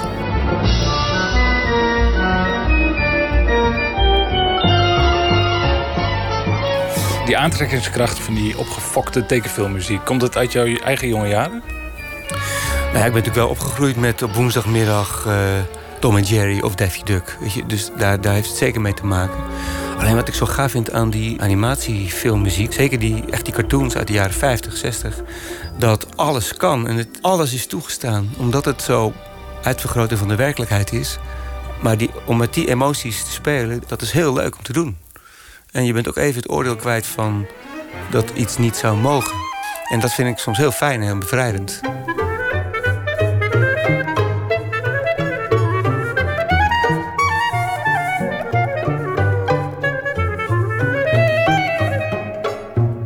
Nu ben ik al heel erg op een plek waar ik wil zijn. En ik denk dat het voor mij, deze prijs, ervoor zorgt dat ik met meer zelfvertrouwen nog uh, die ingeslagen weg vervolg. En dat ik vanuit die basis uh, allerlei ontmoetingen zal aangaan. Dat vind ik wel fijn. Minder met carrière maken, maar meer met... Ja, wat voor ontmoetingen kan ik doen, muzikaal gezien, de komende tijd. En die komen altijd op je pad. Winnaar van de Boy Edgar Prijs 2017, Martin Fonsen. Maandag aanstaande speelt hij samen met Remy van Kesteren op het uh, North Sea Jazz Festival in Rotterdam Noord. Muziek van uh, John Fathom nu, en dat is een Amerikaanse zanger.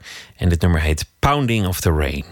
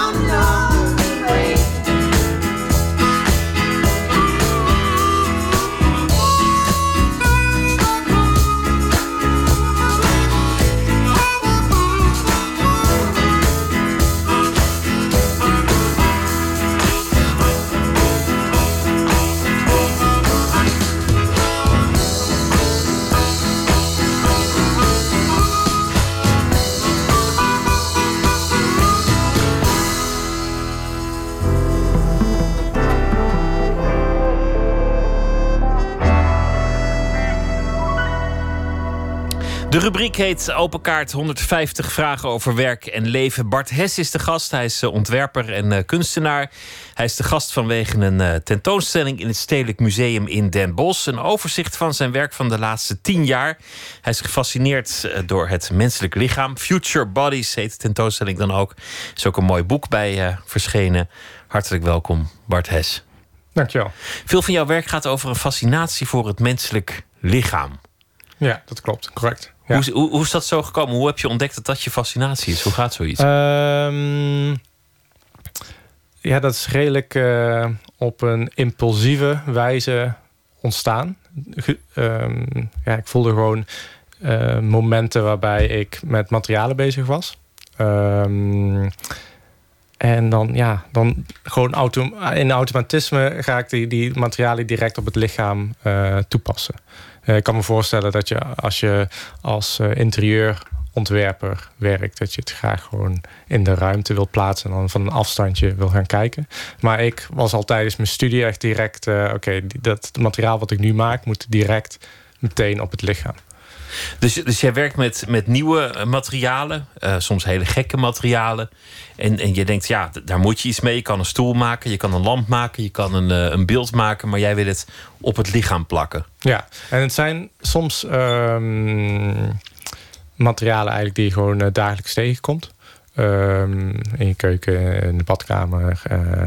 het zijn vaak wel materialen waarbij je denk ik gewoon eigenlijk al zelf een soort van aantrekkingskracht uh, hebt. Dus ik kan me voorstellen... Schuim bijvoorbeeld. Schuim. Dat is al eigenlijk pas een hele bijzondere materie, uh, vind ik. Uh, licht, maar toch volume.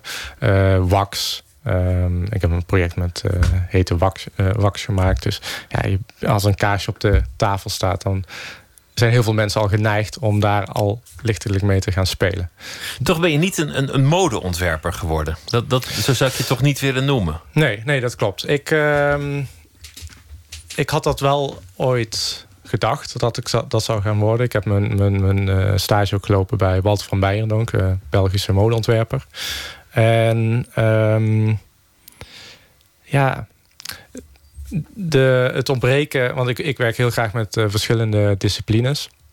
Dus uh, ja, ik ben veel uh, ook achter de computer bezig met programma's. mijn eigen edits doe ik. Um, en, en, en eigenlijk dacht ik, nou ja, ik wil eigenlijk nog meer disciplines toepassen dan alleen mode. Ja. En um, het is, mijn werk is ook vaak niet echt draagbaar. Je zou, het, je zou het wel willen dragen, maar je zou het niet kunnen dragen. Je, je, je het, het, is wel gedragen door bijvoorbeeld uh, Lady Gaga. Die heeft een keer een van jouw ontwerpen aan de lijf laten plakken. Ja, dat is, dat is waar. Al een paar de, jaar de, geleden. De slime dress ja, was dat. Ja, juist. Um, ja, maar je moet je voorstellen dat dat... Um, uh, dat slijm is, is dynamisch. En dat is uh, maar een paar seconden in, in zijn ultieme vorm. En uh, ik, ik heb heel uh, goede samenwerking gehad met Nick Knight, een Londense fotograaf. Dat was wel eigenlijk mijn idool al, al heel lang. En daar mocht ik mee samenwerken. En hij was heel erg goed, of is heel erg goed, in, in zo van die momenten vast te leggen. Waarbij eigenlijk al die, uh, het silhouet, de, de pose van Gaga, hoe het slijm, welk volume het heeft. Uh, hoe het licht erop valt. Die, die weet dat echt briljant vast te leggen. Was je ook bij de sessie aanwezig zelf? Ja, dat was wel een soort van ook van uh, vereiste uh, voor mezelf. Omdat het ontwerp eigenlijk anders, niks anders is dan slijm in een pot. En um, dus tijdens mijn voorstel heb ik ook wel uren en uren in de studio um, uitgeprobeerd wat ik met dat slijm kon. Dus je, uiteindelijk... je, hebt, je hebt uren en uren met Lady Gaga zitten slijmen nee, in de op, studio. op een, op een uh, stand-in. Op een stand-in, tot ja, zij kwam. Tot ze ja. kwam. En, uh, ja, dan, dan, en, en ook gewoon op mijn eigen studio in Eindhoven. En dan zijn we erachter gekomen dat je het uh, op kan blazen met een ventilator. Of uh, dat je een soort van draperieën mee kan maken. Um, ook als, als je uiteindelijk de foto's ziet, dan, ja, dan lijkt het ook niet meer op slijm. Dan is het een soort van tweede huid die uitvloeit. Um, ja, een draperie, een long. Ja, het doet, doet aan heel veel dingen denken. Heel spectaculair eh, is het. Je hebt zelf ook in Londen gewerkt. Ja. Eh, relatief lang zelfs. Ja, ja. ja dat klopt. Ik heb ehm, eh, mijn studio na mijn afstuderen in Eindhoven gehad. En, maar ik werk, merkte dat ik ehm, zoveel in Londen werkte... dat het eigenlijk niet meer de moeite was om in Nederland te wonen. Dus toen eh, ben ik een tijd naar eh, Londen gegaan. Want daar is de industrie ook heel groot. Een soort van mode, eh modefilm, motorfotografie en alles wat daartussen zit. En dat was voor mij wel een hele interessante ehm, ja, scene om in te zitten. Om jezelf ook te laten inspireren en ook met mensen samen te werken uit andere disciplines die jij heel goed vindt. Precies. Waardoor je zelf ook het uiterste kunt halen uit, uit wat je doet. Het mooie als je dat, dat overzicht ziet van, van de afgelopen tien jaar, is, is dat er een heel nieuwe beeldtaal ontstaat. Die, die, die misschien ook wel weer zijn weg zal vinden naar andere disciplines. naar, Mhm. naar de mode of naar film of, of wat dan ook. Maar het is, het, het is voornamelijk ook wel abstract. Maar het- het is een, een, een totaal nieuwe manier van kijken naar het lichaam of naar materiaal. Of, of gewoon, gewoon sowieso een, een hele nieuwe vorm. Ja, ja. ja, ik probeer ook eigenlijk op een nieuwe manier naar, naar eh, schoonheid te kijken. Dat zul je ook in de, in de expo zien. Eh, sommige werken die zijn bijna afschuwelijk. Maar op een soort van... Aantrekkelijke manier. Ja. Je wil kijken. Ja, ik wil wel, dan wel nog een beetje eh, flirten. Dus eh, je ziet mensen ook zo een beetje al in sommige zalen een beetje verbaasd om zich heen kijken. En ehm, ja, dan toch wel erg gefascineerd zijn door een bepaald soort materiaal. En we hebben het ook mogelijk voor gekregen dat ehm, je het werk soms mag aanraken in sommige zalen. En ook letterlijk in kan gaan liggen. En dus dan kan je heel fysiek ook die expo beleven. Wat normaal in een museum nooit mag, ergens aankomen, dat, dat kan nu eindelijk een keer. Ja, ja soms. Soms. niet, niet bij alles. Nee. Laten we beginnen met eh, de, de vraag. Kijken of, we- of we iets meer over je te weten komen. Eh, ja, ja, pak maar een vraag, zou ik zeggen. Mm, heb je wel eens gevochten? Nou, ehm, nou, ehm, ik heb nooit gevochten in een. eh, ik ben alleen het slachtoffer. Je bent, je Eh, alleen bent bevochten. Ja, je bent eens in precies. elkaar gerost. Ja, ja. En, ehm, en ik heb een tijd op taekwondo gezeten. En dan, dan moest je wel een soort van eh, vechten. Door wie ben je in elkaar gerost en waarom? Nou, dat was, was volgens mij niet echt een ehm, specifieke reden. Dat was jaren geleden, toen ik denk jaar of tien was of zo. In het lokale zwembad in mijn, eh, in mijn geboorteplaats Gelderop. Daar kwam gewoon een groep eh, jongeren naar me toe. En ja, ik was het slachtoffer. En eh, ja, toen ben ik inderdaad bevochten door de hele groep. Verkeerde tijd, verkeerde plaats eigenlijk. Precies. Ja. Laat ik er één Ja. voor je doen. Heb je geworsteld met je seksuele geaardheid? Ehm, nou, eh, ja. Ehm, maar ik, ik omschreef dat. Ik heb het laatst ook. Het staat een stukje in, in het boek ook. eh, omschreven dat in die fase. eh, nou, laten we zeggen, je bent middelbare school. Ben je. Ik was echt zo aan het struggelen met heel veel andere dingen ook. Dus het, die, die ehm, zeg maar, de worsteling met je geaardheid komt in een fase waarbij je ook wakker ligt van de kleur van je rugstas. Weet je? Dus die- een fase waarin eigenlijk alles eh, uitgevonden moet worden. ja, en ook alles heel erg belangrijk is. Dus ehm, ehm, ja. Dus als ik daar aan, aan terugdenk, dan, ja, dan was ik overal over bezorgd. Gewoon heel, heel de dag. En eh, dus dat was dan ook wel een, een, een, eh, een worsteling, ja. Uiteindelijk, toen ik eenmaal eh, ehm, uit de kast kwam, toen, eh, ja, dan merk je dat het allemaal geen probleem is. Dat dat wel meevalt. Ja. Is, is dat ook misschien een deel van de fascinatie die ten grondslag ligt aan, aan jou, jouw werk, dat heel erg over het lichamelijke gaat? Ja, ehm, ik, ik, ik denk het haast wel. Ehm, sowieso dat heel erg dat, dat man-vrouw zit ook wel in mijn, in mijn werk. Heel veel modellen die zijn niet uitgesproken mannelijk of vrouwelijk. Soms weet je eigenlijk ook niet waar je naar kijkt. En dat denk ik ook wat te maken heeft dat ik als kind eh, het liefst of af en toe een meisje wilde zijn. Het, eh, Madonna was mijn idool. En eh, als mijn oma jarig was, dan, was, dan trad ik op als Madonna. Oh ja, ja dan, dan, dan, eh, dan snap ik ook wel dat, die, dat, dat, dat gender een thema wordt in, Ja, je, ja. In, in je werk. Neem nog een, eh, een vraag.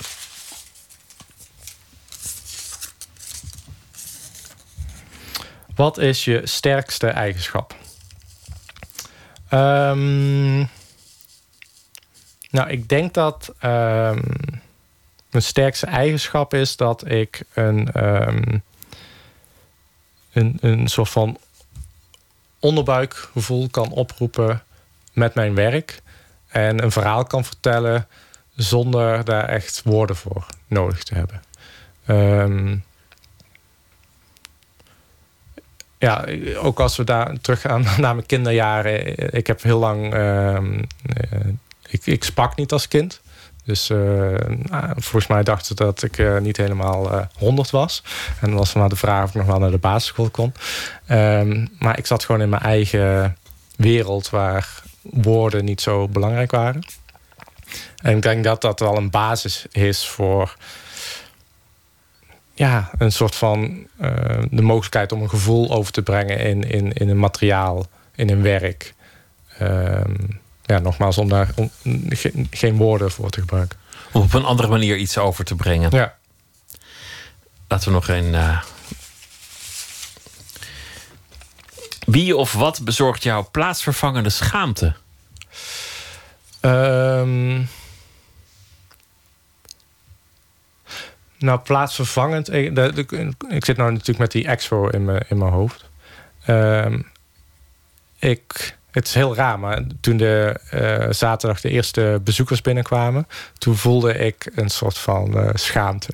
Toen dacht ik, oh nee, ik, heb, ik wil helemaal niet dat die mijn werk laten zien. Een soort onzekerheid die, die zo sterk werd dat het schaamte werd. Ja. Kom maar niet kijken, ga maar, ga maar, ga maar naar links. Ga maar, ga maar naar die andere tentoonstelling. Of, eh, Ja, precies. Ja, ik, ik, ik, was, ik was zo lang met mijn team in, in de ruimte bezig. En dat was een soort van onze woonkamer geworden. En ja, na de opening, en ik zag ineens die mensen. En die eh, misschien, ja, natuurlijk hebben ze een mening en ze, ze interpreteren werk. Toen, toen kon ik me bijna schamen, ja. En, of, to- natuurlijk was ik trots, maar ergens diep van binnen was het ook eh, een soort van. oh ook wel schaamte. Ja. Laten we nog één vraag doen. Ja. Een laatste. Ehm, Ga je gang. Ehm, wat is de mooiste reis die je gemaakt hebt? Ehm, nou, ja, eentje die me heel erg bijgebleven is, is een eh, reis die ik gemaakt heb naar Venezuela voor een, ehm, een body art festival.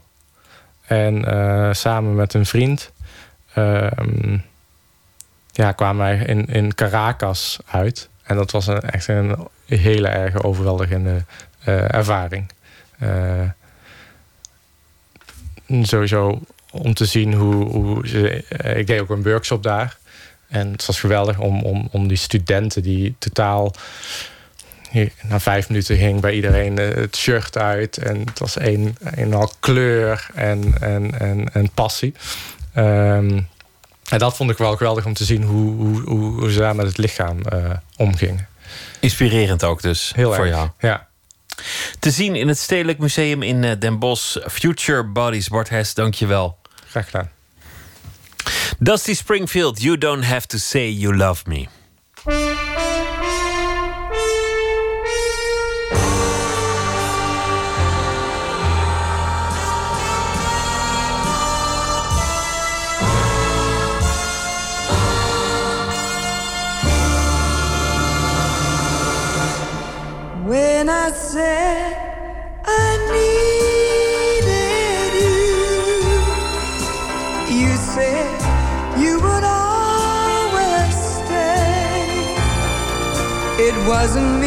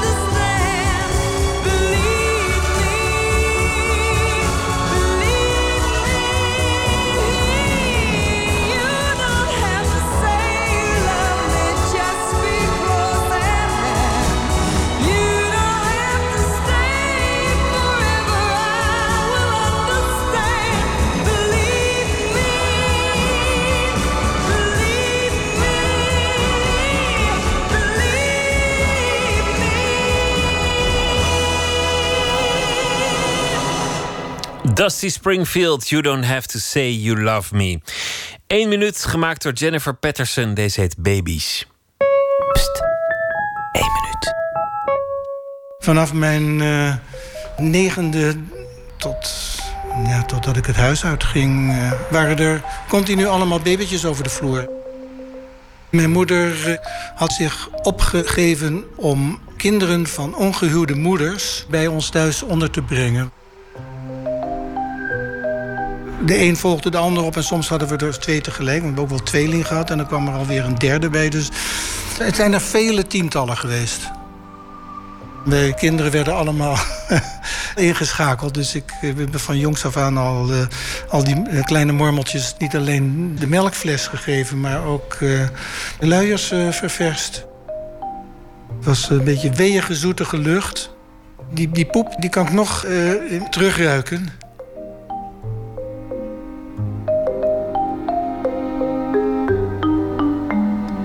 Heb zelf geen kinderen. Ik vond dit eigenlijk wel. eh, ik, had, ik heb eigenlijk denk ik wel genoeg eh, babytjes eh, in mijn eh, handen gehad voor de rest van mijn leven.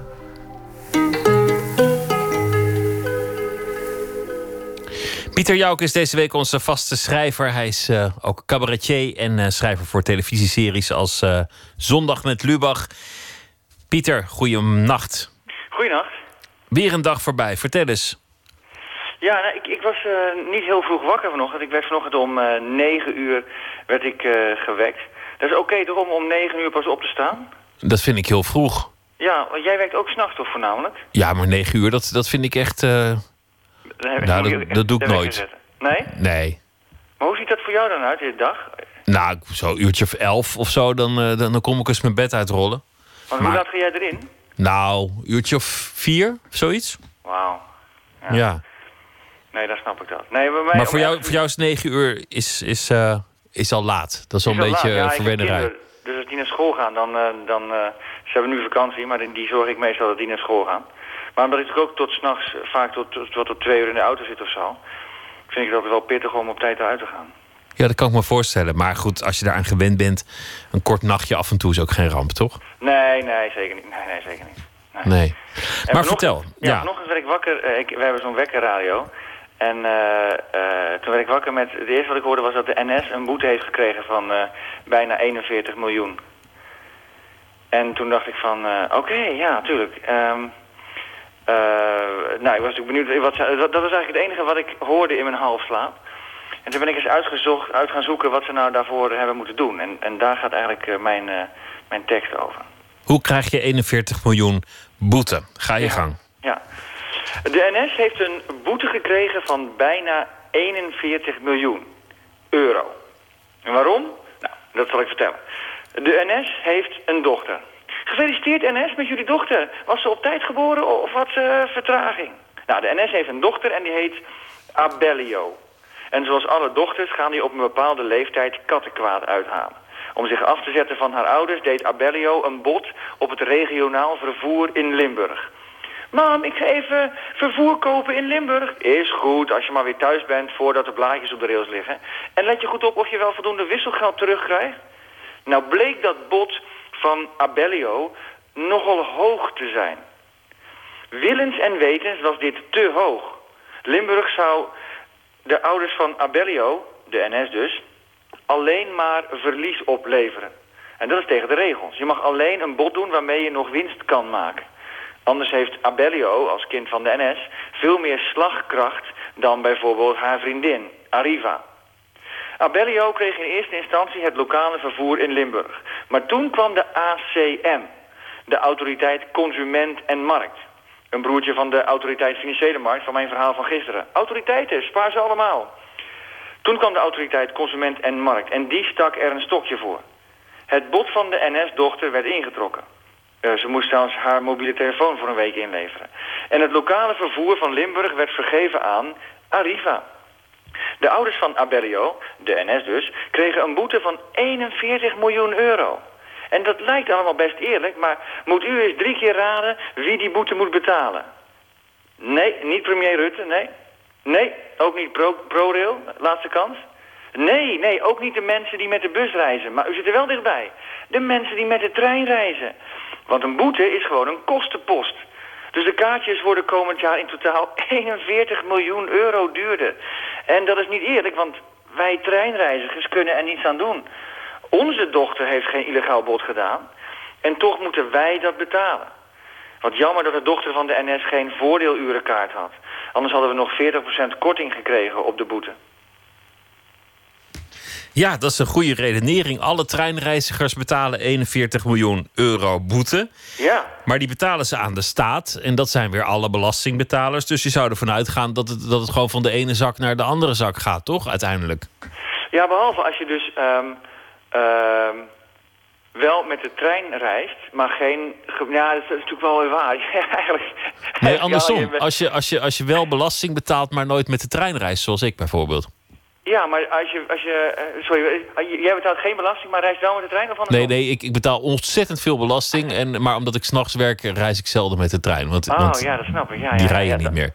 Dan ben je in principe ben je dan eh, ben je beter af. Ja, dan ben ik 41 miljoen gedeeld door 17 miljoen rijker. Ja, Of zo. Ik snap er helemaal niks meer van. Maar Nee. wat een verhaal, joh. Ja, hè? Ja. Interessant.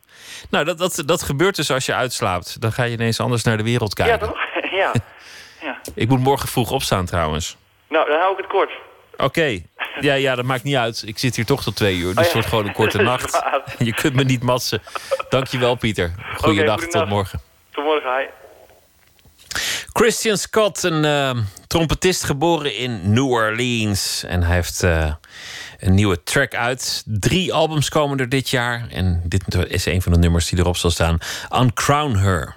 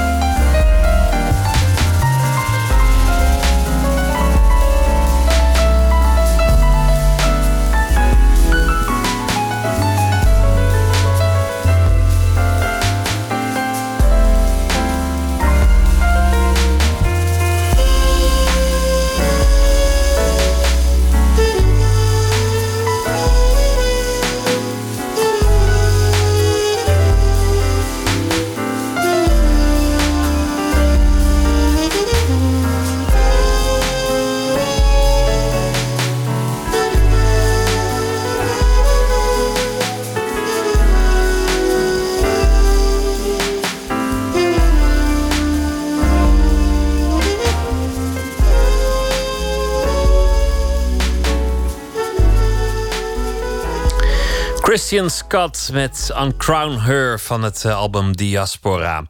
Poëzie van Jean-Pierre Ravi van eh, de bundel De tijd vliegt, maar de dagen gaan traag. Het gedicht Ritueel.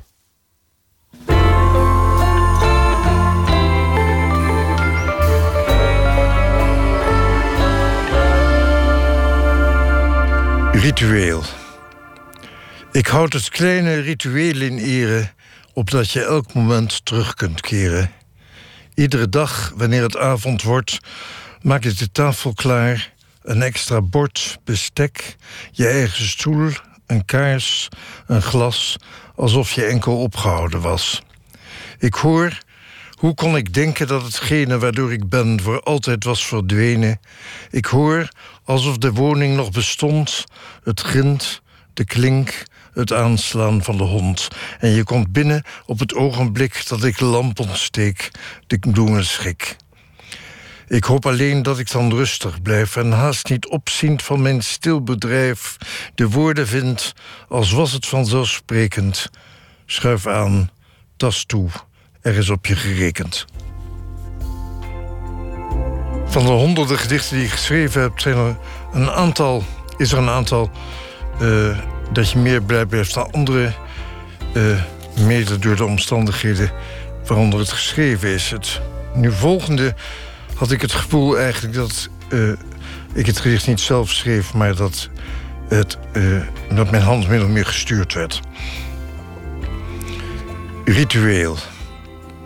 Ik houd het kleine ritueel in ere, opdat je elk moment terug kunt keren. Iedere dag, wanneer het avond wordt, maak ik de tafel klaar. Een extra bord, bestek, je eigen stoel, een kaars, een glas, alsof je enkel opgehouden was. Ik hoor, hoe kon ik denken dat hetgene waardoor ik ben voor altijd was verdwenen?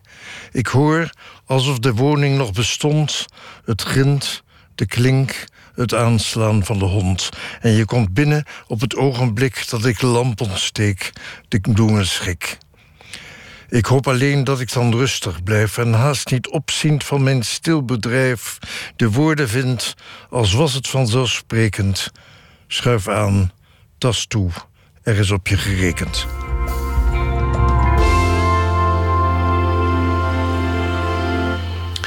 Jean-Pierre Ravi las het gedicht Ritueel, oorspronkelijk verschenen in de bundel Woelig Stof uit 1989. Morgen in Nooit meer slapen komt Lisbeth Labeur op bezoek. Ze is beeldend kunstenaar en schrijver. Ze woont al haar hele leven in Zeeland en daar werkt ze ook. In 2011 kreeg ze de Stripschapprijs met de graphic novel Op weg en reis. Nu verschijnt het vervolg daarop, Een lamp voor mijn voet. En in beide boeken voegt, uh, voert Labeur het Zeeuwsmeisje Niltje op... dat opgroeit in een protestants gezin en haar vertrouwde wereld langzaamaan ziet afbrokkelen. Een gesprek met Lisbeth Labeur en uh, Floortje Smit die uh, presenteert morgen. Wens ik u voor nu een hele goede nacht. En zometeen op deze zender kunt u luisteren naar De Nachtzuster. Astrid die is er al klaar voor. Het concept mag bekend worden verondersteld. Twitter, het VPRO NMS. En we zitten ook op Facebook. En u kunt zich abonneren op de podcast. Dat doet u via iTunes of via de website van de VPRO. vpro.nl schuine streep nooit meer slapen. En daar vindt u ook uh, de muzieklijsten. En die kunt u ook uh, downloaden via verschillende media als uh, Spotify. Om ze op een ander moment rustig te draaien als u zin heeft om plaatjes te draaien. Kan allemaal, bestaan voor niks. Ik wens u een hele goede nacht en graag weer tot morgen.